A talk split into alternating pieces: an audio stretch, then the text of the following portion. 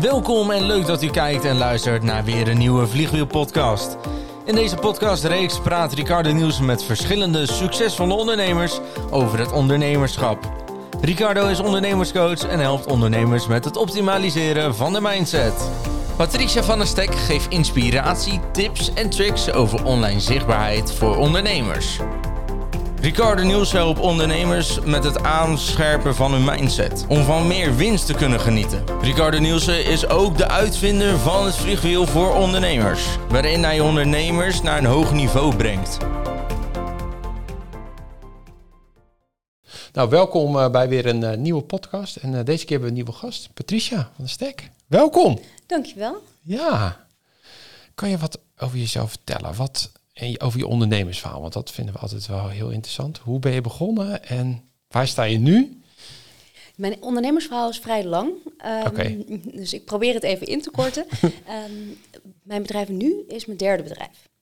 Ik ben ooit begonnen met een dierenwinkel, geheel onvrijwillig. Daarna ben ik een taartenwinkel begonnen. En nu help ik andere ondernemers met hun online zichtbaarheid. Dus het was volledig per ongeluk uh, dat ik ging ondernemen wilde al wel ondernemen en ik kom uit echt een ondernemersfamilie. Maar het was nooit de bedoeling om zo te starten. Ik ging namelijk oppassen op de ratten van mijn buren. Zes stuks. Allemaal vrouwen. Totdat er eentje tussen bleek dat een mannetje was. Oeps. Mijn, ja, mijn buren zaten al prima ver onderweg naar Amerika, waar ze twee maanden zouden blijven. En ik had drie weken later 54 ratten dat was een ding. Ja. dus ik heb mijn opa opgebeld, de ondernemer van de familie, stofzuigerverkoper, al op een van de eerste huishoudbeurzen. Dus die weet waar hij over praat. Opa, wat moet ik doen? Dan schrijf je in bij de Kamer van Koophandel als dierenwinkel, kan je lekker goedkoop je voorhalen. Zo gezegd, zo gedaan. Ik naar de groothandel, ingeschreven bij de Kamer van Koophandel uiteraard. En ik kom bij die groothandel en hij zegt, ja, maar je moet wel voor 200 euro afrekenen, XP2. Ik denk, oh, um, zoveel eten de beesten ook niet. Mijn moeder gebeld, heb jij nog voer voor de honden nodig? Ja, maar ook niet zoveel. Vriendinnen van mijn moeder gebeld en met een auto vol ging ik terug naar huis. Geleerd hoe je een webshop in elkaar moest zetten. En uiteindelijk had ik een um, webshop waarin ik diervoeding bezorgde in Nederland en België. Maar ik had nog helemaal geen rijbewijs. Oh, dat is wel een uitdaging. ja. En TomTom Tom bestond nog niet echt, zeg maar, nog niet in een betaalbare versie. Dus met papieren in de even, auto. Even terug in de tijd, want wanneer was dat? Toch? 2007, ik denk 2006, 2007. En ehm, ja, dat was wel echt een uitdaging om op die manier. Webshops waren nog niet te betalen. Dat was super duur. Uh, dus ik heb in 2000 heb ik al HTML geleerd, dus ik kon wel wat. Maar ik kon nog niet echt goed een website neerzetten. Dus ik had geleerd van Joomla en PrestaShop en dat soort dingen. Dus dat is uiteindelijk wel gelukt. Eerst een HTML-webshop gemaakt. En um, nou, dat ging goed. Toen mocht ik op een gegeven moment Ideal nemen. Dat was super duur met abonnementen en dat kon je niet zomaar krijgen. Uh, maar ik had mijn uh, dierenwinkel binnen vijf kwartalen zo winstgevend dat ik met mijn ondernemersplan naar de bank kon en een pand mocht kopen. Op vrijdag heb ik getekend en uh, zondag ben ik aangereden. En dat was het einde van mijn dierenwinkel. Want ik lag zodanig in de kreukels dat ik gewoon. Uh, ik kon niet eens lopen. Ik kon mijn rechterarm niet meer gebruiken. mijn hersenen waren gekleusd, zeg maar. dus echt beschadigd. En dat ging gewoon niet meer worden. En toen ben ik gaan revalideren. En toen heb ik een mhm. boek gekocht en dat heette Hoe versier ik een lekker koekje? Van Peggy Porsche. Oh. ja. En uh, van het geld wat ik heb gekregen, want ik ben wel op zo'n manier aangereden dat er ook echt wel een flinke schikking uit is gekomen. Ja. Mijn bedrijf heb ik verkocht. En uh, toen ben ik uh, taartjes gaan bakken. Gewoon okay. omdat ik een beetje kon lopen en een beetje kon staan. En eigenlijk niet zo heel veel tussendoor. Um, dus dat ging eigenlijk wel goed. Ik kon eigenlijk best wel goed taartjes bakken. Um, maar alleen ontzettend langzaam. Want ja, dat ding ging in de oven en ergens de volgende dag kwam er iets tussen. En de dag daarna werd hij gedecoreerd. Dus dat moest echt met Engelse taart. Want Nederlandse taarten zijn dan niet meer lekker. En uh, toen heb ik me ingeschreven op de banketbakkersopleiding in Nederland. Um, bij het Zatkin in Rotterdam. Ik voorstellen, um, ik was toen al in de twintig. En banket wordt in Nederland alleen gegeven op niveau 2 mbo. Wat ik mm echt al ontstegen was uh, op die leeftijd. Dus ik ging naar die school en die wilde me eigenlijk niet echt hebben. Ze waren niet heel blij met me. Uh, ik was te oud en kon niks zijn. En die man die heeft me gewoon weggestuurd op die open dag. Van sorry, we gaan je niet kunnen helpen. Ik zei, ja, maar dit is de enige opleiding bij mij in de buurt. Ik kan niet zoveel en ik wil dit heel graag. Zei, ja, ik kan je niet helpen. En in halve paniek zei ik, ja, maar ik weet wat een kapsel is. En toen kwam ik terug en zei, vertel verder. Een kapsel is jargon voor een gebakken taart die niet gedecoreerd is. Dus gewoon de binnenkant van de slagroomtaart. Mhm. Ik zei, Oké, ik, ga je een test laten doen en als je die haalt, ging over onder andere degelijkheid en dergelijke, want het stond hoog in het vaandel daar, eh, dan mocht ik beginnen. Nou, zo gezegd, zo gedaan. Ik scoorde onwijs goed op degelijkheid overigens. maar ik ben aan de banketbakkersopleiding begonnen hier in Zattekien. En mijn klasgenoten moesten me helpen met ehm, de dingen in en uit de oven halen, dat soort dingen. Want ik lag natuurlijk nog steeds in de kreukels. Ja. En toen uiteindelijk daar ben ik gevraagd om ehm, door te gaan naar de docentenopleiding in Engeland. Wat ik heb gedaan.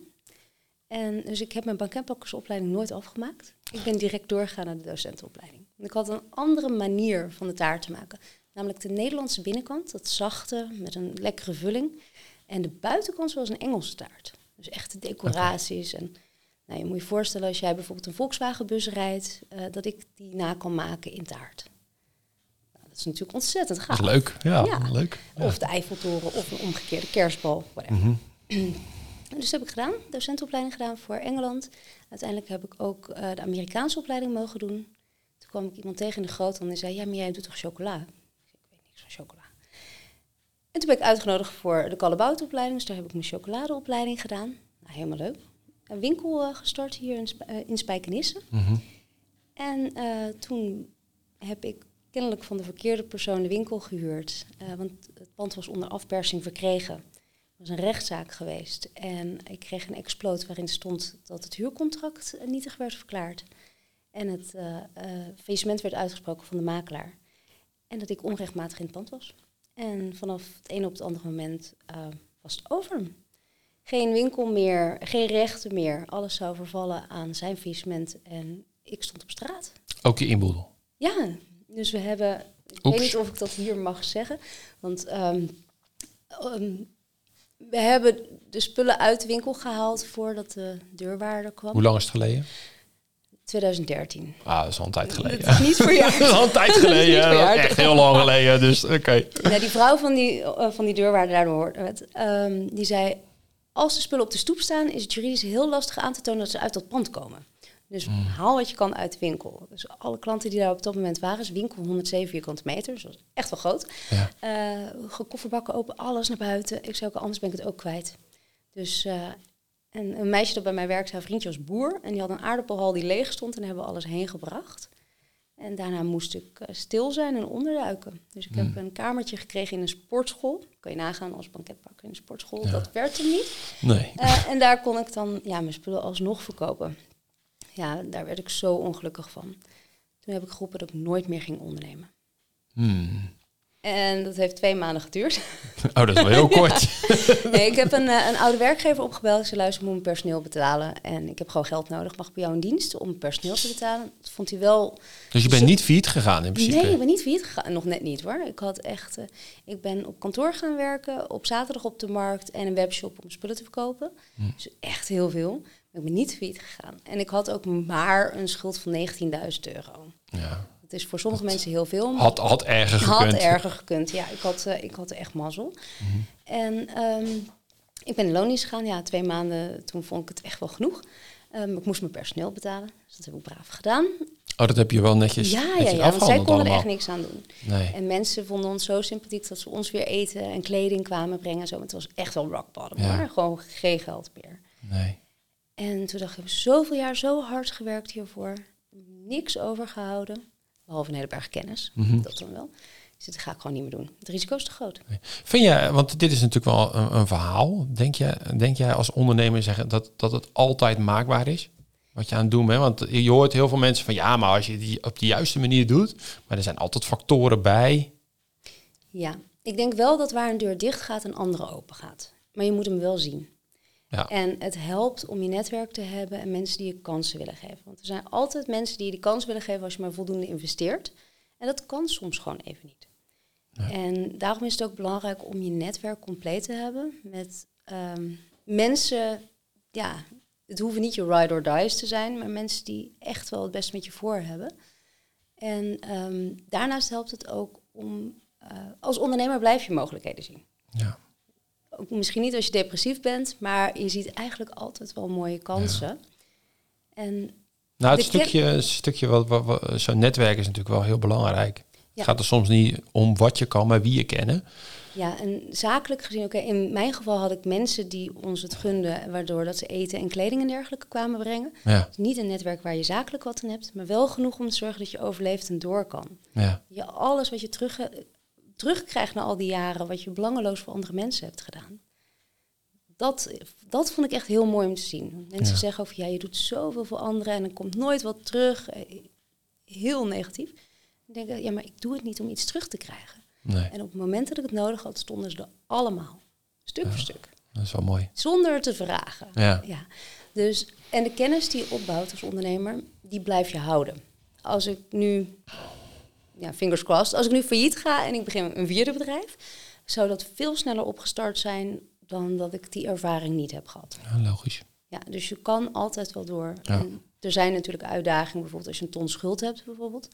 Ehm, maar er zijn wel mogelijkheden om Ja. eruit te komen. Ja, je leert gewoon skills onderweg, die, Absoluut. die daarna weer kan gebruiken. Dus ja, dus het is nooit eigenlijk... Het is nooit klaar. Plus als je echt ondernemer bent, denk ik niet dat je zomaar terug kan naar loondienst. Misschien kan je het werk, werk wel doen, maar zou je er echt gelukkig van worden? Nou, het is gewoon een andere manier van denken. Ja. Je wordt natuurlijk meer aangestuurd door iemand anders. Mhm. En als je ondernemer bent, is het natuurlijk belangrijk dat je zelf het proces in gang gaat zetten. Ja. En, en natuurlijk kan dat in dienst ook een stukje van iemand anders natuurlijk. Ehm, daar kunnen we het dadelijk ook nog wel een stukje over hebben. Ehm, en wat ben je daarna gaan doen dan? Wat, wat- Ja, ik, eh, ik ben Ilko de Boer gaan volgen. Mhm. Eh, die kwam ik tegen op internet en die had een app en die heette Periscope. Die gebruikte die. Moet je je voorstellen dat het een soort Instagram live is. Mhm. 2015 hebben we Vroeger. het hier over. Vroeger, vroeger, toen Twitter nog een ding was. Want het is van Twitter. Ja. Ehm, en Ilko die had een uitzending en hij vertelde dat hij een event ging doen. En eh, of ik ook kwam. Moet je je voorstellen, het is een uitzending waar echt misschien een handjevol mensen steeds kwamen. En ik volgde hem en toen vroeg hij, kom je daarheen? Kaartje kost 600 euro. Ik zei, ja, vind het super tof. Maar ik heb geen 600 euro. En als ik moet kiezen tussen jou of de boodschappen, dan winnen de boodschappen. Dat snapte hij wel, maar hij vond het niet leuk om te horen. Eh, en toen zei hij ook tegen mij, ja, maar dan maak je toch geld? Nou, sorry hoor, wat zeg je nou weer? Dan maak je toch geld? Het is echt, in mijn hoofd echt een superdomme opmerking. Weet je wel, van, doe normaal. En ik zit hier te besparen op mijn boodschappen en jij zegt, dan maak je toch geld. Als het zo simpel was, zouden wel meer mensen dat doen. Weet je wel zo. ja. En eh, toen zei hij, ja, wat kan je goed? Nee, ik ben dus origineel opgeleid als boekhouder. Weinig mensen weten dat, maar ik ben economisch secretaresse geweest, boekhouder. Ik zei, btw-aangiftes. En zei nou, dan ga je dat toch doen? En ik had echt zoiets En ineens ging zo'n lampje boven mijn hoofd aan. Want ik wist dat hij wat deed met online cursussen, online training en dergelijke. Tenminste, mensen vertellen dat ze dat moesten. Mhm. Toen ben ik online training gaan maken over hoe je btw-aangifte moet doen als ondernemer. En eh, ik heb een Excel gemaakt en in die Excel kan je je inkoopfacturen, je verkoopfacturen allemaal invoeren. Dat wordt getransporteerd naar een pagina die eruit ziet als je btw-aangifte. Dus echt een blauw formuliertje nagemaakt met paarse tekst. en dat wordt allemaal ingevuld. En als jij je btw-aangifte gaat doen, hoef je hem alleen maar te openen, cijfers over te nemen. En dan kan je zo je aangifte indienen. En nog een stukje over de auto, kleine ondernemersregeling toegevoegd. En een hele cursus met elk punt op die aangifte helemaal uitgelegd en hoe je dat moet doen in de Excel. Hmm. Twee weken gedaan over het bouwen en het opnemen. En genoeg verkocht om een kaartje te kopen voor Ilko zijn event.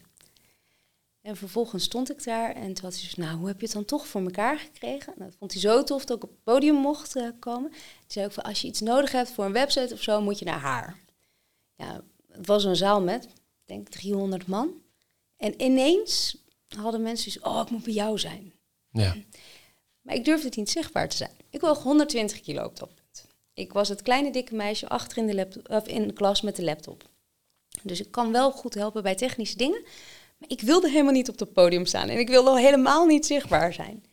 En toen heb ik daar, op dat punt, heb ik afgesproken met Juri Meuleman. Die toen nog de sidekick was van Ilko. Volgende keer dat je me ziet, ben ik afgevallen. En toen ging Ilko na de pauze zijn volgende event pitchen dat vier maanden later was. ja shit, over vier maanden Shit. ben ik niet afgevallen. dat, eh, en toen zei ik ook tegen Jori van, ik kan het helemaal niet betalen, want dat event was 800 euro. En ik heb net 600 betaald. Weet je wel? Dat, eh, en toen heeft Jori gezorgd, en dat is een stukje van dat netwerk, dat ik, zonder dat andere mensen het wisten, in termijnen mocht betalen. Als ik maar op die datum het betaald had. Ja, want moest Jury direct- werkte toen nog bij, bij Ilko, hè? ja, als stagiair Als zelfs, stagiaire, ja. ja. En eh, die heeft dus geregeld dat ik tot en met augustus, september eh erover mocht doen om die 800 euro bij elkaar te krijgen. Als maar de dag van het event het kaartje volledig betaald was. Nou, dat ga ik doen. En eh, ook dat geld had ik bij elkaar. Dat ging natuurlijk een stuk makkelijker. Ik ging in één keer ook websites voor mensen maken, want dat kon ik nog. En ik was inderdaad, het was niet superveel, het was iets van 20 kilo afgevallen. Maar Nou ja, niet zoveel. Dat Nee. is wel veel, toch? Ja. 20 kilo. en voor mij was dat echt een ding, want ik had afgesproken, de volgende keer ben ik afgevallen en zij wist het helemaal niet meer. maar ik was dus, ja, maar ik ga naar die event, ik moet afgevallen zijn. Ja. Nou, uiteindelijk ben ik 50 kilo afgevallen. Waarbij. Ilko me weer zeg maar, op een podium zette met zij is 50 kilo afgevallen. En het kan dus wel. Ja. Ehm, maar sindsdien ben ik eigenlijk elk jaar braaf naar eh, de events van Ilko gegaan om geïnspireerd te raken. En heeft hij uiteindelijk ook gevraagd of ik ja, hem wilde helpen binnen eh, programma's om technisch dingen uit te leggen of mee te helpen met die events. Dus dat vond ik wel heel erg leuk om te doen. ja. Dus ja, zo ben ik eigenlijk in een nieuw bedrijf gerold dat helemaal niks met dieren of met taarten te maken had. Maar wat wel de skills gebruikte die ik in die vorige bedrijven nodig had. Ja. Van de website bouwen tot het verkopen. En ehm, ja, je, je bedrijf bekendmaken eigenlijk. Ja. Er was één ding wat ik niet wilde, eh, namelijk dat andere mensen door zouden maken wat ik heb doorgemaakt. Dus je helemaal kapot werken, niet bij je kinderen aan tafel kunnen zijn en gewoon vervolgens nog steeds niet het geld hebben om je boodschappen te doen. Terwijl je 100 uur werkt in de week. Dus dat werd toen mijn missie om te zorgen dat andere mensen dat niet hoefden te doen. Waardoor ik ehm, dingen ging uitzoeken hoe je het kon ondernemen, hoe je het kon automatiseren en dergelijke. Zodat eh, je leven makkelijker wordt en jij gegarandeerd aan tafel kan zitten bij je kinderen. Als je dat wil. Sommige mensen willen het misschien niet. Maar dat je de keuze hebt om je bedrijf ehm, in te richten onder jouw voorwaarden. Wil je 100 uur werken, go for it. Wil je 20 uur werken, is ook goed. Maar in jou de keuze, niet omdat het moet. Omdat je gedwongen wordt door je financiële situatie. ja. Dat is eigenlijk een beetje de rode lijn geweest in al mijn producten die ik daarna heb gemaakt. En dat zijn heel veel. Ja, dat zijn heel veel zijn heel veel. Ja. Ja. Mis- Misschien ook wel een, een leuk stukje. We, we gaan geen namen noemen, maar achter de schermen heb je ook heel veel mensen geholpen om ze op het podium te krijgen, traffic naar de site te krijgen, eh, dingen in te richten, funnels. eh, nou, eigenlijk noem maar op eigenlijk. Mhm. En dat, daarom vond ik het ook leuk om je te vragen, omdat je ja, heel vaak achter de schermen bezig bent en er niet voor. En eh, ja, nu helemaal natuurlijk. Nu met wat er nu gaat veranderen is natuurlijk extreem snel met de GPT-chats, eh, die ja, noem maar op allemaal. En ja, je gaf er ook een masterclass over. Je, hebt, je geeft heel veel masterclasses over. Ehm, welke grote veranderingen komen eraan? Want eh, er zijn best wel mensen die bang zijn ook om hun baan kwijt te raken. Er gaat heel veel veranderen. Wat, ja, wat kunnen, wat, wat denk jij wat, wat er allemaal gaat gebeuren? En wat zie je nu al wat er gaat veranderen? Misschien eerst nu wat, wat er al aan het veranderen is. Ja, wat er nu aan het veranderen is, ehm, waar ik even mee wil beginnen, AI, kunstmatige intelligentie of artificial intelligence, waar die afkorting voor staat, is niet nieuw. Het is geen nieuwe ontwikkeling. We, eh, iedereen met een iPhone kent Siri al jaren. Dat is AI. Netflix, je database, hoe die samengesteld wordt om voor te stellen wat jij wil kijken, dat is AI. Ja, ChatGPT is sinds november de markt aan het bestormen, enorm, want het is nu in één keer bereikbaar voor iedereen. Dat is het enige wat er veranderd is. Ik gebruik zelf al jaren eh, programma's die erop lijken, maar de output, de kwaliteit dat het levert, is leuk, eh, maar niet noemenswaardig. Ik kan er niet iets voor maken op mijn website. Het was leuk om mee te spelen. En nu zien we dat die ontwikkelingen met ChatGPT 3.5 en eh 4, de nieuw uitgerolde versies, dat het wel echt gave dingen kan produceren en je leven makkelijker kan, kan maken. Ik denk niet dat je bang hoeft te zijn om je baan te verliezen. In loondienst is dat even een ander verhaal, want als jouw baas geld kan besparen door dingen te automatiseren en jou op zijspoor te zetten, zullen ze dat doen. Uh, maar als ondernemer, als vakinhoudelijk expert, denk ik niet dat je bang hoeft te zijn om je baan kwijt te raken. Waarom? AI gaat jouw baan niet overnemen. Andere mensen die snappen hoe AI werkt en jouw werk kunnen doen, wel. Dus als jij zorgt dat je je kennis up-to-date houdt van jouw vakgebied en je snapt hoe AI voor jouw bedrijf kan werken, hoef je geen zorgen te maken. Als je nu denkt van, oh, dit is eng en ik ga wegschuwen ervan, dan ga je achterlopen. En dan wordt het wel een issue. Ja, nou ja, het is ook wel een stukje, als je in je brein natuurlijk er bang van wordt, Ja. dan wordt het dus ook, even op mindset stukje, Mhm. dan wordt het ook lastiger om, om de oplossingen gericht te gaan zoeken. Ja. Het kost je gewoon heel veel energie. Dus als je denkt dat het een bedreiging is, het is meer hoe kan je het toepassen. Precies. En ehm, probeer nieuwsgierig te worden daarna. Ook al vind je het eng, want ik kan me voorstellen als je ergens bang voor bent dat je er heel ver vandaan wil blijven. En dat je misschien gaat vertellen hoe slecht het is en dat soort dingen. Maar zoek zo'n masterclass op. Zoek iemand op die die kennis heeft. Ehm, en ga eens kijken wat het je kan brengen. Want het kan ook ingezet worden op jouw voorwaarden. Ja. Het hoeft je bedrijf niet over te nemen. Nou, ik vind wel heel grappig dat, heel, dat ik heel veel dingen zie die jij teacht, Mhm. die andere mensen overnemen en daar zie ik dan naar buiten mee komen. Dat zie ik nu heel erg gebeuren. ik denk van, oh, dit zijn echt letterlijk jouw woorden. Dus ik wil niet zeggen dat ze het allemaal hebben gepakt, maar dat, dat zie je dus heel veel, dat, dat, dat, dat, dat je met die kennis natuurlijk gewoon heel veel kan doen. En met die GPT-chats kan je natuurlijk ook heel veel doen, hè? Kan echt heel veel doen. Ja, wat is het verschil tussen de gratis versie? Want iedereen heeft toegang ertoe, hè? Ja. Gratis. Het kost niks, hè? Nee. Eh, wat is het verschil tussen de betaalde en de niet betaalde versie? Eh, de niet betaalde versie, de 3.5 versie, dus even als je een account aanmaakt eh, op een OpenAI-account, kan je het beste even inloggen met je Microsoft of je Google-account. Anders kan het zijn dat je wat problemen krijgt met binnenkomen. Ze willen daarnaast ook je geboortedatum en je telefoonnummer hebben. Dus voor sommige mensen is dat een drempel, maar dat is echt om het veilig te houden. Zodat niet iedereen zomaar informatie eh, gaat verspreiden die daaruit komt, wat ze niet Ja. kunnen valideren. De versie 3.5 is ehm, goed. Het is een goede versie, die kan je gewoon gebruiken. Je hoeft niet voor een betaalde versie te gaan. Maar eh, de GPT-4 is wel langzamer, maar heeft een geavanceerder taalmodel. Dus hij kan veel beter kwalitatief goede teksten neerzetten en veel beter begrijpen en inleven dan dat 3.5 dat bijvoorbeeld kan. 3.5 heeft wel een voordeel, namelijk de 3.5 Turbo. Het is gewoon een stuk sneller.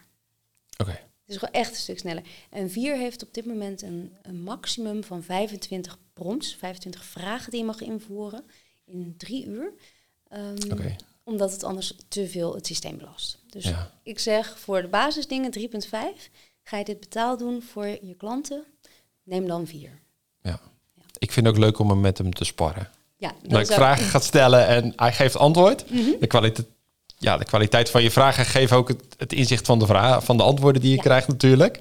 Ehm, ja, dat vind ik wel heel gaaf. eh, dat stukje. Mhm. Eh, eh, ook ik, tijdje geleden had ik een, contract nodig van iemand die die eh, spullen verkocht. Nou, dan geef je een opdracht van maak even een contract. En, en ja, dat ik denk van, oh, het hij spuugt het er gewoon zo uit. Ik denk van, oh, wat hier gebeurt is echt... Ja, en normaal zou je iemand in moeten huren om zo'n contract te maken, bij wijze van. En, eh, en met content maken vind ik hem eh, heel erg fijn. Ja, vind je de content die je eruit krijgt goed? Nou, gewoon voor ideeën. Dus voor de ideeën te vragen van bepaalde dingen. Mhm. Gewoon net even anders inschieten. Dat ik denk van, oké, dat is misschien wel leuk om, om dan daar een stukje over te schrijven. Lijkt wel mijn eigen verhaal eroverheen gaan, dat wel. Maar als ondersteuning vind ik hem wel heel erg fijn. Voor inspiratie. Voor eigenlijk. inspiratie, ja. Ja, Want we gebruiken met elkaar, denk ik, nog niet 1% van wat ChatGPT voor je kan betekenen. Dat, eh, wat je net zei over dat contract. Je kan laten kijken wat er is. Je kan ook laten kijken wat er ontbreekt. Dus als jij iemand een contract wil opsturen, kan je het contract laten valideren. En daar zou ik wel versie 4 voor gebruiken, want die is wat beter. Mhm. Eh, welke loopholes en mazen zitten hier nog in waar iemand gebruik van kan maken? oké. zodat je het kan afdichten. Andersom, als iemand jou een contract heeft gegeven waar je onderuit wil, kan je het op dezelfde manier aanvliegen. Dus je kan vragen van wat moet er nog bij, maar ook hoe kan ik hier onderuit. Nou, dat zijn bijvoorbeeld dingen waar mensen niet over nadenken. Of ik heb dit gekregen en ik heb een juridische brief nodig. Dan moet je hem vragen om een bepaalde rol aan te meten. Bijvoorbeeld dat van een advocaat of eh, van iemand die eh, eh, advocaat met ervaring in vastgoed bijvoorbeeld. En dan vragen om een respons te schrijven. Dus zelfs als je niet zou gebruiken voor je bedrijf zomaar, zijn er echt nog wel toepassingen die je zou kunnen gebruiken. Ja, op een manier die niet bedreigend is. Ja. Sorry voor alle juristen die dit luisteren. Ehm, Gaat zeker wat veranderen voor ja, jullie. Er gaat wat veranderen. Maar dan nog, hij kan onzin uitkramen. Ja. Het is niet gevalideerd wat er staat. Dus wat ik aanraad is, ga eerst daarmee spelen en laat het dan valideren door een vakinhoudelijk expert. Vandaar dat ik ook zeg, je raakt je baan niet kwijt. Misschien heb je wel meer klanten die je kan bedienen in hetzelfde aantal uren. Ehm, je raakt je baan niet kwijt, want iemand moet dit toetsen op juistheid. Je moet wel kritisch blijven voor de output die je krijgt. Ja. Ik geloof niet alles wat er eh, uitgespuugd wordt. Nee. Nee. Je kan ook vragen eh, naar eh, informatie over jezelf. Je moet wel even rekening mee houden. ChatGPT is gevoed met informatie tot september 2021. En als jij toen nog niet op internet aanwezig was met je bedrijf, dan weet hij die informatie niet. Even een slokje nemen. Ja.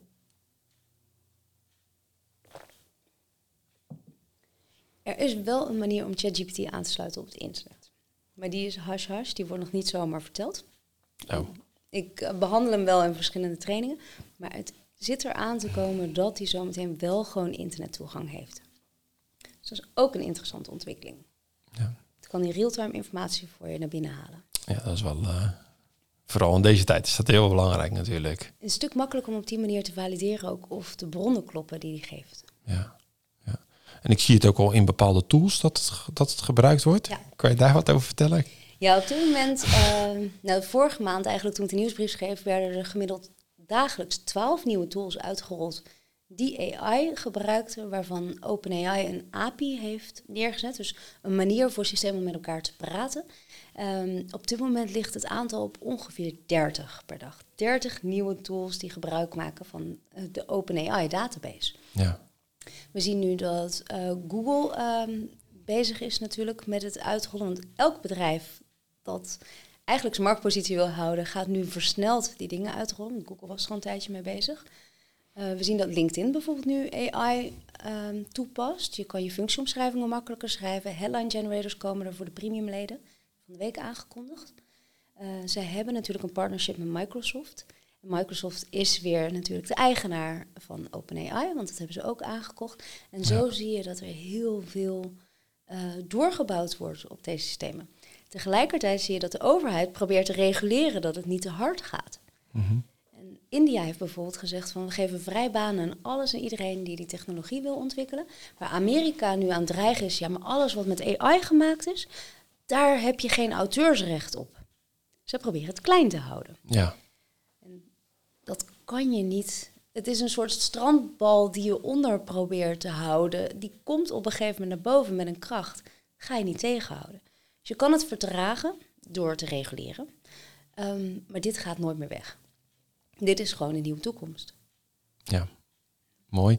Hey, ehm, ik zag een tijdje geleden zag ik dat, eh, dat hij ook kon reageren op een, op een chat of zo. Dat je hem in kan stellen voor een chat of zo. Kan dat? Klopt, ja. Kan je daar wat over vertellen? Wat dat eh, in de toekomst, want dat is natuurlijk wel interessant. Je kan dan gewoon een chat op je, op je site zetten.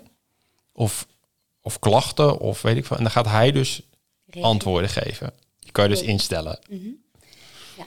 Ken je ManyChat nog? Dat je vroeger met Messenger zo'n chatbot kon maken? Ja, ja, ja. ja. ManyChat is wakker geworden en ManyChat heeft ervoor gezorgd dat je ehm, nu je eh, Messenger, je WhatsApp, je Facebook, eh, Facebook is Messenger, Instagram, eh, DM's en dergelijke allemaal op diezelfde chatbot kan aansluiten.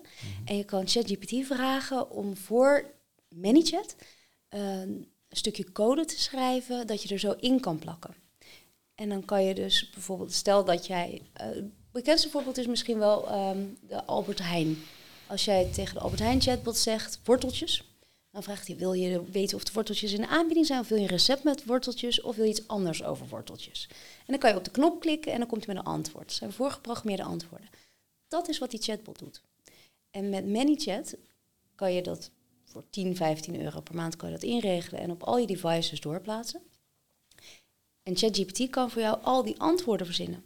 Alle pijnpunten waar je klant tegenaan loopt, alle FAQ's, alle veelgestelde vragen zeg maar, van al je programma's, kun je er allemaal instoppen. Dus in plaats van dat zo iemand als ik dagen aan het programmeren is, kan je gewoon al je input erin stoppen van dit is mijn programma, bedenk alle mogelijke vragen die iemand kan hebben en schrijf daar voor mij ehm, dat stukje code voor. Plak je erin. Over het algemeen is dat JSON, dus een bepaalde manier van, uh, van programmeren. Plak je erin en dan heb je je database staan. En als je dan terugkomt, dan kan ik vragen: Hey Ricardo, is gelukt met het recept met de worteltjes? Want dat kan die opslaan voor jou. Ook nog een keertje. Ja. En als jij mij appt en je komt daarna nog een keer terug, kan die ook aanspreken met je voornaam. En je kan een database bouwen. En het mooie is dat je dit ook nog kan aansluiten op je e-mail marketing. Hmm. Dus als je een funnel hebt uh, of een masterclass bijvoorbeeld, zoals we, jij schrijft je in voor mijn masterclass, helemaal leuk, en ik vraag, wil jij op de hoogte blijven via sms, e-mail of uh, WhatsApp? En je klikt een van die dingen aan, of je klikt nee, want het is altijd wel belangrijk om een nee-optie te hebben. Ja. Uh, en je klikt dat aan, dan kan ik zeggen, oh prima, dan stuur ik jou even een reminder via de app. Dat ken je misschien wel. Dat mm -hmm. Ja. Vervolgens kan ik bijhouden of je bij mijn masterclass bent geweest en daarna zeggen, hé, hey, de replay staat daar en daar voor je klaar. En het hele traject automatiseren, waarin jij gewoon contactmomenten hebt, dingen kan vragen. En vervolgens kost het mij als ondernemer geen tijd, tenzij jij een vraag stelt die hij niet kan oplossen. Want je weet dat je met een chatbot praat. Ja. Dan stuurt je door naar een menselijke collega. En dan hebben we aan de andere kant WhatsApp staan, die nu eigendom is van Meta, van Facebook. En die hebben deze maand een uitrol dat als jij een zakelijk nummer neemt, dat je dat op 10 devices kan laten aansluiten. Oké. Dus je kan je personeel ook nog eens een keertje direct antwoord laten geven op de vraag die die persoon stelt in, ja, aan de chatbot eigenlijk, die die chatbot niet kan oplossen. Ja. Zo kan je heel veel, heel snel automatiseren, waar ik normaal echt best wel lang bezig was met al die vragen verzinnen, die antwoorden verzinnen. Dat hoeft nu niet meer. Dat, ik heb tijd over voor andere dingen. Maar dat, dat is voor een hoop grote bedrijven gaat dat gewoon mensen eruit. Ligt eraan. De meeste mensen weten niet dat dit bestaat. Oké. Heel veel van de dingen die ik vertel weten mensen niet dat dit bestaat.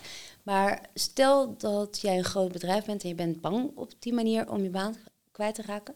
Is van de week een studie gepubliceerd over een bedrijf dat heeft gezegd van we gaan ChatGPT voor alles inzetten. En we gaan niemand ontslaan. Dat was de belofte van het bedrijf.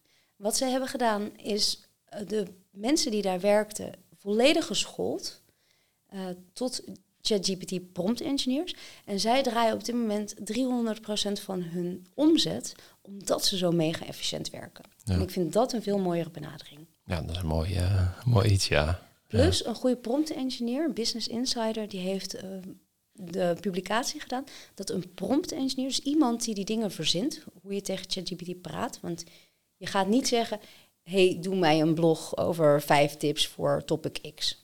Zo praat je ook niet tegen je collega en zo praat je ook niet tegen ChatGPT. Het salaris is vastgesteld op 375.000 dollar per jaar in loondienst. Zo. En de slechtst betaalde functie die op dit moment staat is 3700 pond per maand netto. Dat zijn wel mooie bedragen. Ja, dus ik zou zeggen, leer wat je kan hiervan. Want deze bedragen blijven niet zo hoog. Mensen gaan zich echt verdiepen. Zeker met een uitzicht van een salaris van bijna 4 ton. Ja, dat snap ik. Uh, ja, dus leer wat je kan om jezelf onmisbaar te gaan maken. Ja, ja mooi. Ja. En ja, zoals ik al zei, je praat niet tegen hem alsof het een robot is. Dat is denk ik het belangrijkste. Nou, dat vond ik ook wel lachen dat jij dat zo in die, in die...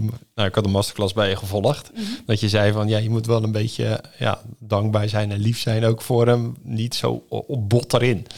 Klopt, ja. En mensen denken echt dat ik niet goed ben als ik dat zeg. Nee, nou, ik moest ook wel lachen dat je het zei. Maar je ziet ook dat die bot anders gaat reageren. Ja. En daardoor krijg je wel een andere vibe met dat, ja, met die bot. Dat valt me wel heel erg op. Ja. Ik denk van, ja, nou, zo is het in het leven natuurlijk ook. Als je fijn en leuk met iemand omgaat, dan heb je natuurlijk sowieso een andere klik.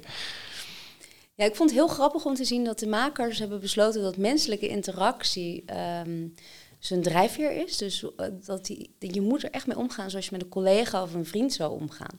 Respectvol. En het staat letterlijk in de voorwaarden dat de output beter is als je op die manier met hem omgaat. Dus ja, ik zeg dingen als van, hé, hey, hoe gaat het beetje? Of uh, je bent echt fantastisch, of je bent weer geweldig, dankjewel. En dan vind ik leuk dat hij dan zegt van, oh, jij ook. En dan zo'n blozende smiley met zo graag gedaan. En als je nog vragen hebt, dan hoor ik het graag of weet je me te vinden. heel anders dan dat ik zeg, schrijf een blog over vijf tips voor online zichtbaarheid. Want dan Ja. krijg ik wat die vraag. En echt, ik krijg nog net niet nagesmeed, weet je wel. Zo'n soort Nee. air van, nou, stik er maar Het is gewoon veel botten. Je krijgt heel bot het antwoord gewoon. En dat vind Dus ik wel pas je echt aan. Dat is wel grappig. Ja, het is echt, ehm, ja, hoe aardiger jij bent, hoe beter je resultaat. Ja, grappig. Ja. Wat zie je nog meer qua veranderingen? Wat we misschien in de business toe kunnen passen? Of misschien dat het nog even weg is? Echt voor AI? Ja, gewoon mm, op dat stukje natuurlijk. Er, ja, er gebeurt heel veel natuurlijk. Eh, ik hoorde dat eh, zelf het, eh, het, dus dadelijk zo kunnen maken dat, dat het net is of je die persoon aan de telefoon hebt. Terwijl je die persoon niet aan de telefoon hebt, dat het bijna niet meer te onderscheiden is of het nou een robot is, ja of nee. Dat is er al. Dat vind ik wel een slechte ontwikkeling. Eh, aan de ene kant vind ik het heel goed. Aan de ene kant vind ik het heel slecht, want criminelen gaan dit ook gebruiken. Je gaat op een gegeven moment geen verschil meer zien. Eh, er bestaat iets en het heet cybernetic catfishing. Ja, dat precies. Hij kon niet op het woord komen. En eh, we kennen natuurlijk van een paar jaar geleden deepfake video's al. Hè? Ja. Dat ze je dingen konden laten doen op video terwijl jij het niet was.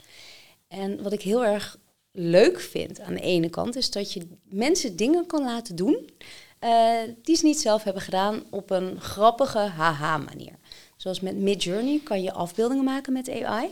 En er was iemand, eh, je kan namelijk elkaars afbeeldingen ook zien, die vroeg eh, of ze Biden konden laten ruiken aan het haar van de Mona Lisa. En dan zie je dus echt Biden bij dat schilderij zo staan, eh, bij de Mona Lisa. En Biden zie je echt staan, ruikend aan het haar van de Mona Lisa. Vond ik heel grappig. Ja, dat is wel grappig. Ja. Aan de andere kant, als iemand dat doet, bij jou in een positie waarin je kwetsbaar bent en open staat voor chantage, is het minder. En wat ze nu ook kunnen doen, is met een heel klein stukje eh, van jouw stemgeluid. En dat pakken ze van social media af. Vooral kinderen zijn daar op dit moment slachtoffer van. Eh, ze pakken een stukje van een live, van een opname. En daarmee met een kort stukje van slechts een paar seconden kunnen zie- jouw hele stem klonen. En wat er dus nu gebeurt, is dat mensen dat doen, die ouders opbellen en zeggen dat het kind in eh, de problemen is, bijvoorbeeld. Ze laten het kind huilen naar de ouders bellen. Dan hoor je een mannenstem. eh, in dit geval was het een opname van een Amerikaans iemand. Zei in het Engels van, eh, doe je hoofd naar beneden enzovoort. Werd de telefoon afgepakt en zegt van, je moet nu geld betalen, anders doen we je dochter iets aan. En zij moest dan dat geld overmaken, terwijl dat meisje gewoon op school zat. Er was gewoon niks was aan niks aan de hand. Nee. Nee. En dat is wel echt een kwalijke situatie. Dus in zo'n geval spreek bijvoorbeeld met je kind een woord af, zodat je altijd van elkaar weet dat je de juiste persoon aan de telefoon hebt. Ja. Want ze kunnen wel zeggen wat ze willen, maar die informatie die kan niemand anders hebben. Ja. En dat vind ik, ja, criminelen gaan natuurlijk ook Nou ja, kijk, om dit te kijk ja, dat, dat, dat, ja, dat gebeurt gewoon natuurlijk. Dus eh, ja, Dat vind ik wel een benauwend iets. Ik kan niet zeggen dat ik er bang voor ben, maar het Nee. is heel belangrijk dat je hier wel ehm, alert op reageert. nou ja, zeker weten. bestaat. Ja, zeker. Aan de andere kant, zeker omdat ik eh, trainingen maak en cursussen maak en eh, zelf ook nog best verlegen ben om een video te verschijnen, zou het ideaal zijn om mijn tekst in AI te stoppen en eh, de video met mijn uiterlijk, je avatar noemen ze dat, mijn teksten te laten uitspreken. Ja, want even, eh, want eh, hij kan een, een avatar maken Ja. dat het net lijkt of hij echt die woorden uitspreekt. Hè? Ja, het is Eventjes voor het beeld, want dat, dat, dat het ook echt gelijk loopt. Hè? Het loopt gelijk. Synthesia is een van die bedrijven die dat doet. Je betaalt wel iets van een tientje per minuut hoor voor de video. Oh, dus het kost wel het geld, is nog ja. heel duur. Ja. En het is nog niet super goed. maar wat we wel bijvoorbeeld zien is dat grote bedrijven hier voor de e-learning al gebruik van maken. Want je kan met één druk op de knop de tekst vertalen naar een andere taal. De essentie blijft hetzelfde en de video is in 190 talen beschikbaar in de e-learning. Ik kan voorstellen dat een bedrijf zoals Ahold eh, daar hun e-learnings prima mee maakt. En Ja. die medewerkers vinden het ook niet erg dat de mond net een beetje afwijkt bij het uitspreken van bepaalde dingen. Je ziet dat ze niet die lipbewegingen zo goed kunnen doen of nog een beetje slissen. Ja. Eh, het wordt wel steeds en steeds beter. Je kan Synthesia kan je ook gratis proberen. Kan je een stukje tekst neerzetten en dan maakt een avatar een, een video van één of twee minuten voor je. Ja. En ja, en dat gaat natuurlijk ook steeds sneller. Maar het is natuurlijk ook mooi als je iets in het Nederlands hebt dat je zegt van hé, hey, ik, ik vertaal hem Ja. en ik ga het, ga het daar aanbieden. Ja, en eh, de audio wordt dus ook al voor je. eh, dat klinkt ook nog wel een beetje blikkerig hoor. Er zijn manieren waarop je de adempauzes kan inprogrammeren. Mhm. Je zet dan echt een komma neer en dan zet je tussen haakjes ademhaling. En dan gaat die avatar gaat ademhalen op dat punt. Of versnellen door bijvoorbeeld een uitroepteken neer te zetten en aan het eind van de zin maakt hij iets enthousiaster, gaat zijn stem omhoog. Ja, en dat wordt natuurlijk steeds en steeds beter. Ja. Het staat nu nog in de kinderschoenen. Ja, maar het is wel handig om daar wel over na te denken. Dat je daar wel bewust van bent dat het daar gaat komen gewoon. Je hoeft zo meteen niet meer zichtbaar te zijn zelf om je bedrijf te runnen. En daarom is het wel eh, belangrijk om uniek te blijven. De content die jij plaatst, moet een mening bevatten. Dat is ook waar Google op gaat checken als jij een blog gaat schrijven. Is er diepgang? Is er een mening? En ben jij expert in dat wat je vertelt? Ze moeten wel. Want anders kan iedereen een website beginnen over een topic. En daar sterk in worden, terwijl ze eigenlijk helemaal niet weten waar ze mee bezig zijn. En daar worden wel voorzorgsmaatregelen voor genomen. Ja, dus het is niet zo eh, wie het beste de tool gebruikt. Soms. Er moet, moet wel iets van een kennis of iets Ja. achter zitten. Ja, Ehm, je moet dan- diepgaande kennis hebben over jouw vakgebied, want anders je kan het niet faken. Ja, tot op zekere hoogte. Er zijn natuurlijk altijd mensen die niet snappen ehm, wat jouw vakgebied is en die zijn goed gelovig, die trappen erin. ja, natuurlijk. Maar je collega's gaan, je gaat echt wel door de mand vallen. Ja. Dus ik ben daar niet zo bang voor dat iemand, ehm, iemand gaat kopiëren en daar sterker in zal worden dan die persoon. Nee. In hoeverre we andere mensen ook kopiëren natuurlijk. Ja. Ja, je zal, altijd, ja, je zal altijd mensen hebben die denken, oh, die is succesvol, dat wil ik Ja. ook of dat kan ik ja, ook. Ja, Uh, maar, en als zij deze tool gaan gebruiken, kan het zijn dat zij een sterkere marktpositie en een sterkere eh, SEO krijgen dan jij, als jij dat niet doet. nee. Nou, dat het belangrijk is dat je niet stil blijft staan. Nee, je moet wel met de tijd mee. Ja, dat is echt... En eh, tegenhouden doen we het niet meer. nee, dit is hier en it's here to stay. Ja. waar denk je dat het naartoe gaat? Toekomstbeeld. We weten het is al sommige dingen. En we weten dat eh, Web3 natuurlijk ge- aangekondigd gaat worden. Ik heb geen idee of je daarvan hebt gehoord. Nee, wat? We gaan steeds meer naar een deviceloos eh, internet toe. Dus dat betekent dat de, de Alexa's en de Google Hubs en dat soort dingen veel meer deel gaan uitmaken van ons leven. Mhm. En eh, de nieuwe ehm, voorbereidingen zijn daar al voor in volle gang.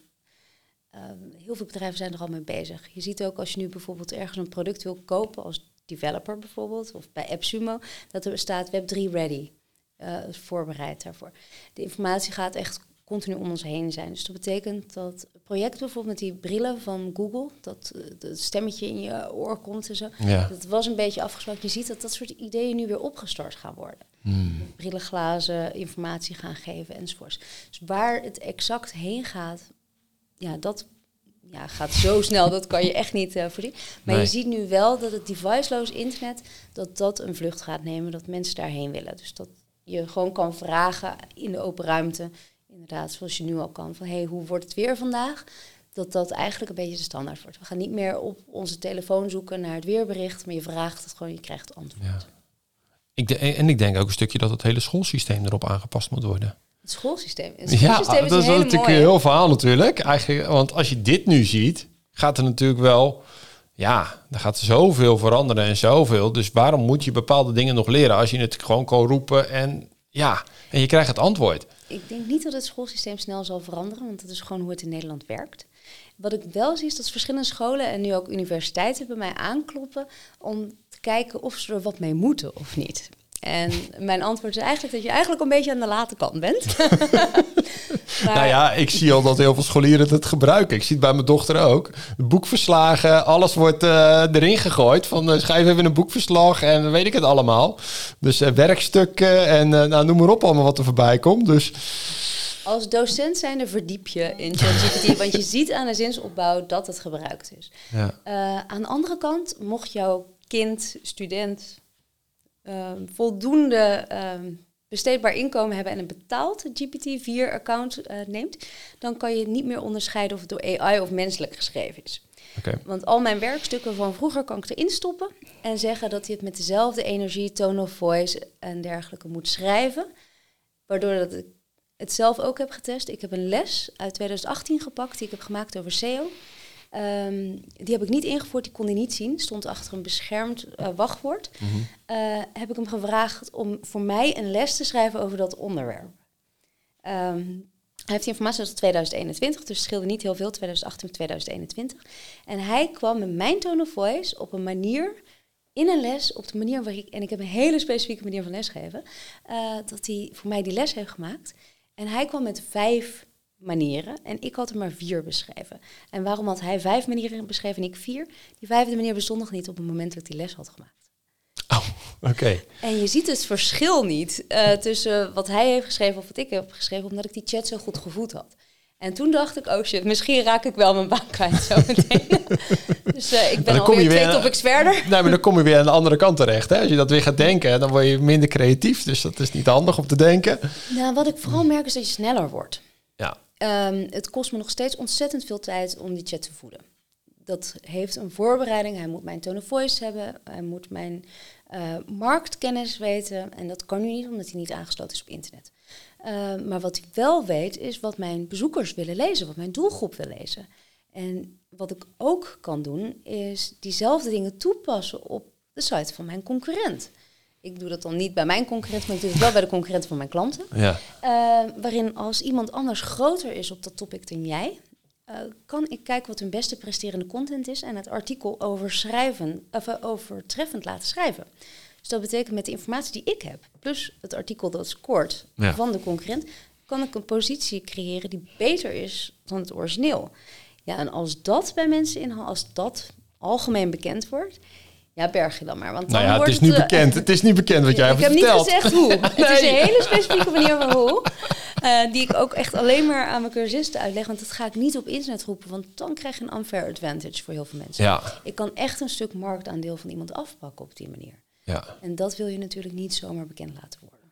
nee. Maar er zijn ik. mensen die dit snappen. En er zijn mensen die dit doen. En die er goed geld voor vragen. Ja, dat snap ik. Ja, dat, het is gewoon... Een, is gewoon geld waard als je nou een stukje marktaandeel pakt. Precies. Dus ja, Dus ja, op die manier ga je wel mensen krijgen die minder goed zijn dan jij. Die wel hoger, zeg maar, eindigen en meer geld verdienen. Omdat jij het misschien niet toepast. En dat zou zonde zijn. ja, dus je moet je blijven ontwikkelen op dit stuk. Uiteraard. Ja. Het stopt niet. blind. Nee, het stopt niet. Nee. nee. Denk je dat, dat, omdat het zo snel gaat, hè, dat we het allemaal nog bij kunnen benen? Want jij zit daar vol in, maar Mhm. ik, hoor- ik hoor zelf wel wat nieuwe dingen. Voor mij gaat het soms ook toch. en denk Oké, als dit kan, dan een heleboel verbanden, manier hoe je denkt natuurlijk. Heb je ineens dat je ze anders kan doen? Dus bijvoorbeeld, ik liet normaal iemand blogs maken. Gewoon om wat nieuwe content, om gewoon wat ideeën te, te krijgen. Ja, die, die is er nu gewoon uit. Want ja, ik ga zelf met die robot zitten, zitten chatten en ik ga kijken hoe ik dan zelf. Dat gaat veel makkelijker. Dus, dus denk je dat, ehm, dat het soms ook wel eens een beetje te snel gaat? Wat er allemaal nu komt? Dat we het wel aankunnen allemaal. Een deel zal het aankunnen, een deel zal zich overweldigd en overprikkeld voelen.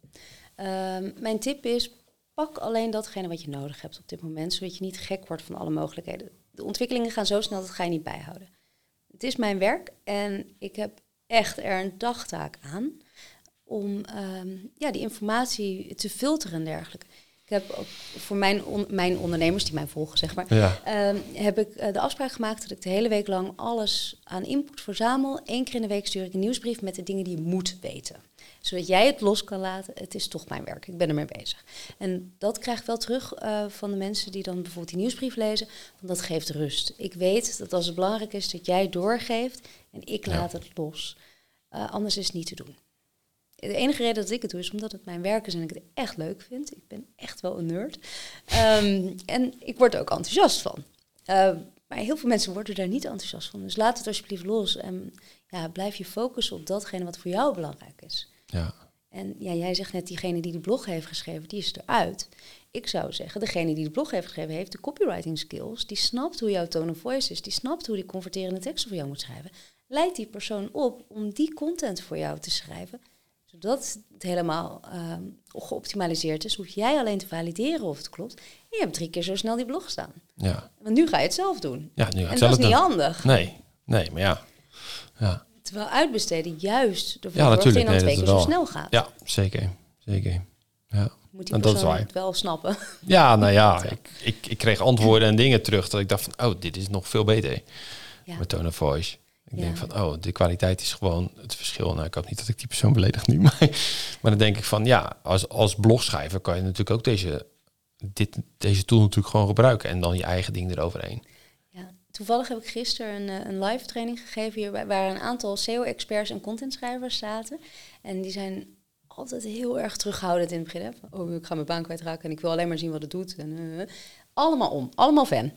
Dat vind ik heel Ja. erg leuk. Dat Ja. ze, want je moet kijken hoe je het kan gebruiken voor jouw bedrijf. Als jij SEO-specialist bent, ja, dan ga je een uitdaging krijgen. Waarom zouden ze jou inhuren? Maar als jij SEO-specialist bent en je kan je werk tien keer sneller doen, Ja, stop. ja, en Ja. jij snapt waar Google bijvoorbeeld naar kijkt om te zorgen dat die blog rankt. Als ik jou nog SEO moet gaan leren en ik moet je gaan leren bloggen, sta je al 10-0 achter. Ja. En die copywriters, ja, je hoeft niet het hele artikel te laten schrijven met ChatGPT. Je kan ook vragen om wat rankt er, wat willen mensen lezen, wat sluit aan bij mijn doelgroep. En schrijf voor mij 10 titels die converteren. Ja. Schrijf voor mij een blog outline en ga zelf die blog invullen. Ja. Dan hoef je niet 100% alles doen. Je werkt een stuk sneller en het is nog steeds jouw tekst. En op die manier eh, ja, kan je gewoon veel meer klanten in één keer pakken. Ja, zeker. Iemand vroeg gisteren ook, ja, moet ik dan mijn prijzen naar beneden doen omdat ik ChatGPT ga gebruiken? Dus je prijzen naar beneden omdat je dat gebruikt. Prijzen omhoog omdat je dat gebruikt. Ja, maar het is natuurlijk, hoe kijk je ernaar? Ja. Ga, ga je er negatief naar zitten kijken of ga je het positief naar zitten kijken? Dat is natuurlijk het verhaal wat, wat, wat- ja, wat er speelt natuurlijk Ja. met al die... Weet je, als je het goed gebruikt, heb je en converterende content. Wat mensen willen lezen. Dat rankt in Google.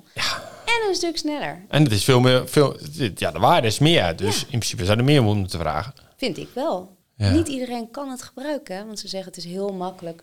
Je gaat gewoon zitten en je vraagt wat je wil. Er zijn echt wel spelregels. Mm. Ja, maar dat, maar eh, dat iedereen die ermee werkt, of die ermee gewerkt heeft, of, of ermee gespeeld heeft, die weet dit. Ja. Want je krijgt echt letterlijk wat je, de, ja, wat je erin stopt, daar krijg je een, een, een antwoord op. Ja. Dus de kwaliteit, ja, het ligt wel aan de kwaliteit wat je erin stopt. Ja, absoluut. En als jij op dit moment middelmatige resultaten haalt uit ChatGPT, weet je nog niet goed hoe je de vraag moet formuleren. Zo simpel is het. Zijn, Ja. je, zijn je antwoorden nog niet goed genoeg? Dan moet je daar aan Ja. leren werken. Ja, en dat kan alleen maar als je weet hoe je het moet vragen. Ja. Dat is het grote verschil. Dus koop alsjeblieft geen prompt packs. Weet je, want je krijgt nu links en rechts, als je Facebook, Instagram, LinkedIn is opent. Koop dit voor dat enzovoort. Ja. Koop het alsjeblieft niet. Koop het alsjeblieft niet. Nou, het, het grappige is, je kan hem in GPT, hoe kan ik jou het beste gebruiken? Kan je binnen twee minuten kan je dus zo'n zo'n flutcursus in elkaar zetten gewoon. En dat doen mensen. Ja, En tuurlijk, maar het is business. Voor veel geld. Ja, Ja, en de een echt nog teleurstellender dan de ander. Ehm, maar de, de kwalitatief, kwalitatief goede prompts, dus bijvoorbeeld ik wil dat je deze blog nakijkt eh, met het idee dat jij een eh, page quality rater bent van Google en eh, dan heb je een prompt van zo'n duizend woorden. Dat soort dingen kan je niet zelf verzinnen. nee. Dat zou ik wel inderdaad kopen bij iemand die er verstand van heeft.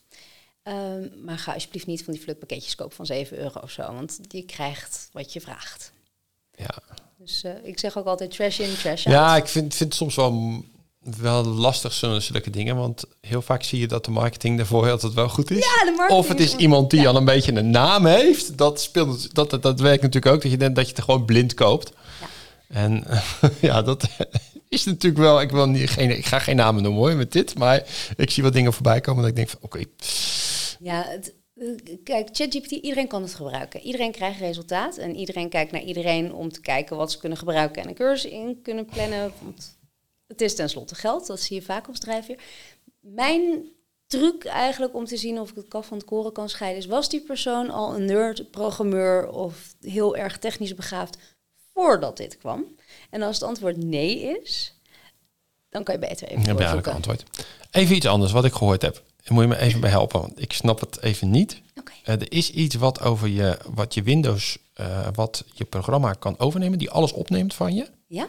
En dan vanuit jou gaat eh, communiceren met bepaalde dingen. Dat is echt al heel erg lang. Dat is malware. Ja? Ehm, en dat is ook, dat, op je Windows vind ik nog niet zo'n issue. Op je mobiele telefoon is het echt een ding. Ik zat gisteren in de trein in een sprinter. En daar hebben ze iets heel tofs. Stek, of stopcontacten. Met daarnaast een USB-poortje. En via dat USB-poortje, dat kan geïnfecteerd raken. En als jij je telefoon daarin stopt om op te laden, dan nemen ze je hele telefoon over. Je hebt geen idee. Je kan het ook niet detecteren. Ze kunnen alles van je zien. Ze kunnen je camera gebruiken. Ze kunnen je bankgegevens. Op Schiphol en dergelijke wordt er ook al voor gewaarschuwd. Steek alsjeblieft niet je USB-lader in een onbeveiligd USB-stopcontactje. Hoe fijn dat het ook lijkt. Doe het niet. Oké. En heel veel van die dingen zijn geïnfecteerd. En datgene waar jij nu over praat, over Windows, dat bestaat al heel erg lang. Kan je niet altijd detecteren, maar op je telefoon is het nog veel gevaarlijker. Ehm, zorg ervoor dat je niet zomaar op links klikt. Het gebeurt meestal omdat je geïnfecteerd raakt via een mailtje. En mailtjes worden steeds mooier en steeds beter en je gaat het niet zien. De truc is, als je zo'n mailtje krijgt, want het komt eigenlijk altijd via een mailtje, Ja. druk op het pijltje om naar beneden te gaan, zodat je niet alleen de naam van de afzender ziet, maar ook het e-mailadres. Als het e-mailadres niet klopt, meteen weggooien. Dat is de beste indicator. Nou kan het zijn dat ze een domein registreren eh, wat erop lijkt. Mhm. Dan val je alsnog zeg maar eh, er doorheen omdat je het niet ziet. Ja. Dan kan je het zien door met je muis op je link te staan, Mhm. niet te klikken, niet te klikken. Met je link op je, of met je muis op de link te staan. En als die niet klopt, ook weggooien. Dat- want je ziet aan het woord niet dat er een valse link onder zit. Hm. En dit gebeurt ook via WhatsApp heel veel. Op dit moment, eh, mijn kinderen die hebben een, eh, een Roblox-enquête gekregen, massaal doorgestuurd. En eh, dat bleek een Russische link te zijn. En die werkte alleen maar op mobiele telefoons. En zij kwamen direct naar ons toe, waardoor dat we eh, maatregelen konden treffen. Ja. Ik weet niet wat die software heeft gedaan. Ik kan het zelf ook niet achterhalen. En ik heb echt wel mijn technische kennis bij me. Maar eh, op die manier word je eigenlijk misleid. Dus vooral voor je computer om dat veilig te houden. In ieder geval het e-mailadres checken en eh, je muis op de link. Er zit een ingebouwde, want jij bent volgens mij Mac-gebruiker. Ja, Mac, herinneren. ja. Mac ben je sowieso een stuk veiliger. Oké. Dat sowieso. Eh, er zit een ingebouwde software, een malicious software remover tool in Windows. Dat eh, kan je oproepen door ehm, run te doen. Door op je Windows knopje te drukken run. En dan eh, MRT, malicious software remover tool. Ehm, ik heb er ook een, eh, een YouTube videootje van opgemaakt. En dan kan die voor jou even een scan doen als je geen virusscanner hebt. Maar verder raad ik je aan om gewoon echt Norton en dat soort dingen. Want die lopen altijd achter de criminelen aan. Dat is het nadeel. De criminelen zijn altijd verder ontwikkeld dan de software. Ja. Ehm, dat je wel regelmatig een scan kan doen. Ja. Ja, dat is mooi. Maar het klopt, dat soort eh, dingen bestaan. En je hebt het niet door. En eh, ook bijvoorbeeld programma's die alle toetsaanslagen registreren. Ja. Dat, dat wil je ook niet. Nee. En er is veel mogelijk. Ja, er is heel veel mogelijk en je hebt het 9 van 10 keer niet door. Nee. En als je door ben je te laat. Dan is het gewoon wat van jou Ja. geleend. Ja, dan eh, zit er mee te kijken. Ja. Ja, dat is niet handig. Dus, heb, je, heb je nog andere dingen dat je zegt van... oh, hey, dit gaat heel erg veranderen in de toekomst, denk je, eh, in het ondernemerschap? In het Natuurlijk wel heel ondernemerschap. breed waar we het nu over hebben, maar... Ja. Ehm, ja, level up your game waar je kan. Want op dit moment gaat content zoveel aangeboden worden op zo'n goede manier. ehm, dat jij de enige onderscheidende factor bent. De blogs gaan beter worden, want de informatie is overal te vinden. Video's gaan beter worden, want mensen die video's kunnen opnemen, gaan gewoon betere eh, resultaten creëren. Ehm, dus het enige wat nog onderscheidend vermogen heeft, ben jij zelf. Dus zorg dat, ja, nogmaals, komend van mij die niet heel erg zichtbaar is, zorg dat je je neus laat zien. Zorg dat je zelf zichtbaar bent. Zorg dat je die connectie maakt met andere mensen. Ja. Want het menselijke aspect, dat is wat je nu gaat onderscheiden van de rest. Iemand anders gaat altijd meer budget hebben dan jij voor de advertenties. Gaat misschien slimmer zijn dan jij. Gaat misschien harder roepen dan jij. Het enige wat, ja, Echt verbinden. ja, die verbinding opzoeken. Ja, Zorg dat je die connectie maakt met andere mensen. En zorg dat zij snappen waarom dat jij anders bent. ja. Denk jij dat, we, dat de kwaliteit van ons leven hierop vooruit gaat? Ik denk dat als je het goed inzet, dat het kan. Ehm, als je kijkt naar de industriële revolutie bijvoorbeeld, dachten mensen ook van, oh, het wordt slecht. En ehm, Ja, maar onze banen zo- gaan kwijt. sowieso een stukje van ons brein, die zit altijd in de negatieve kant, want die wil niet Ja. veranderen. Een stukje van ons brein, dus dat, dat, dat blijf je altijd houden natuurlijk. Vroeger Eh, was en- alles beter. Ja, vroeger was alles beter. En ja, eh, moet dat nou? En eh, sowieso wil ons, ja, we willen we gewoon niet veranderen, sommige dingen. Bij de ene is dat meer dan bij de ander. Eh, maar dat is sowieso natuurlijk, want we zijn ook bang dat we dingen kwijtraken. Dus we komen heel vaak niet in actie omdat we bang zijn dat we bepaalde dingen kwijtraken. Terwijl er aan de andere kant heel veel te winnen is juist. Maar dat heb je nog niet en je weet wel wat je kwijtraakt. Dus dat is Precies. vaak de reden Ja, waarom dat je precies. niet los Ja. wil laten. ja, Eh, ik denk wel dat het risico bestaat, en dat zien we bij de jeugd ook al, dat mensen wat oppervlakkiger worden. Mm. Eh, waarom zou je moeite doen om al die dingen te leren als je het zo op kan zoeken? Waarom zou je die kennis nog hebben? Ja. Ehm, waarom zou je moeite doen om je sociale contacten te onderhouden terwijl je ook met elkaar kan chatten of gewoon eventjes een berichtje kan sturen? Dat wat we vroeger hadden, dat je elkaar ging opzoeken en op het schoolplein bleef hangen of wat dan ook, dat hebben we niet meer zo. nee. Wel fijn dat er minder hangjeugd is op die manier. ja, dat wel, ja. Ehm, maar die, dat, dat menselijke contact wordt steeds korter en oppervlakkiger. En ik denk wel dat je eh, jezelf mag blijven uitdagen om te blijven leren, om nieuwsgierig te blijven. En niet ervan uit te gaan dat alles met één druk op de knop op je telefoon op te zoeken is. Voor hetzelfde geld komt er een grote stroomstoring en kan jij even niet op internet en weet je niet dat, weet ik veel, op een bepaalde manier je moet handelen. Blijf wel, zeg maar, kennis verzamelen en blijf die nieuwsgierigheid prikkelen. Ja. Vind ik wel een mooie afsluiter trouwens. en waar kunnen ze jou vinden, Patricia? Ehm, op mijn website uh, trisha.nl, T-R-I-S-H-A. En ehm, eigenlijk op alle sociale kanalen onder dezelfde naam. En, en natuurlijk op jouw eh, YouTube-kanaal. Ja, op YouTube eh, eh, eronder. podcast. Zeker weten. Ja. Zeker weten, ja. ja. Dankjewel eh voor deze mooie podcast. Ja, dankjewel voor de uitnodiging. Ik Ja, erg leuk graag eh, om Graag hierover te mogen praten. Graag gedaan. Dankjewel. Vond je deze podcast leuk? Geef dan even een duimpje. En eh, we vinden het altijd leuk als je er even een reactie onder zet. Dankjewel voor het luisteren. Dit was de Vliegwiel podcast voor deze keer. Vond u deze podcast leuk? Blijf ons volgen. En wil je meer weten over Ricardo Nielsen? Ga dan naar de website www.meerwinstdoorhypnose.nl Tot ziens!